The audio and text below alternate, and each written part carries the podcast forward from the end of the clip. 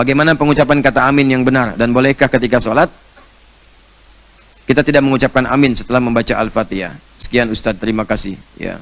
Assalamualaikum wabarakatuh. Amin bagaimana mengucapkan yang benar? Bisa dua cara.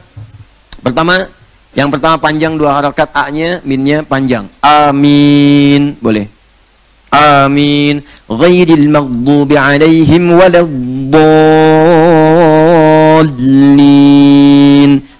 Amin. Boleh. Yang kedua, A-nya dibaca pendek, minnya panjang. Amin. Boleh. Ya bisa. Amin bisa.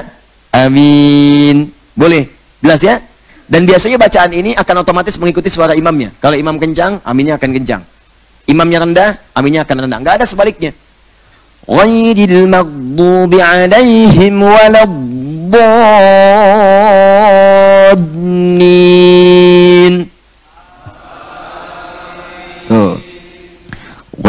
Ghairil maghdubi alaihim waladdallin. Tuh. Sama kan? Enggak ada imam rendah makmum kencang. Ghairil maghdubi alaihim waladdallin. Amin. Enggak ada. Pasti sama. Itu hikmah dalam hidup. Ikut imam. Imam ruku, kita ruku. Imam sujud, kita sujud. Al-Quran imam kita.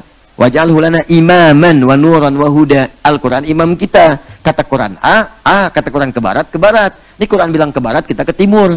Kata Quran ruku, kita sujud, ya nggak nyambung. Hadis imam kita, Rasulullah imam kita, ikuti imam kita. Itu petunjuknya. Tapi kalau imamnya manusia, lihat benar atau salah. Kata Nabi di hadis Muslim, kalau salah jangan diikuti. Kalau benar, ukurannya Allah dan Rasul ikuti. Silahkan. Nah, amin ini hadisnya jelas. Man wafaqa ta'minuhu ta'minal malaika ghufira lahu ma taqaddama min dzambi. Setiap imam baca Al-Fatihah, sebelum masuk ke amin, itu malaikat pun nanti akan menunggu. Begitu balin, malaikat amin. Kalau amin yang kita bacakan bersamaan dengan aminnya malaikat dapat bonus seketika. Apa bonusnya? Seketika diampuni dosa-dosa kita oleh Allah Subhanahu wa taala. Ya, sepanjang bukan dosa besar. Jadi begitu kita bacakan, imam bacakan waladhdallin. Amin. Pas bersamaan dengan malaikat. Allahu akbar. Bonus dosa-dosa kita yang kita bawa dalam salat itu digugurkan oleh Allah Subhanahu wa taala. Ya, sepanjang bukan dua. Yang pertama dosa besar, yang kedua utang. Ya, utang itu enggak lunas tidak, ya, tetap tetap lunas. Malaikat aja ngampunin, ente masih nagih. Dia beda. Beda hukumnya. Kalau begitu enak banget ya, sekarang ngutang besok istighfar gitu kan? Tidak. Tetap dan dosa besar. Dosa besar itu tobatnya harus khusus.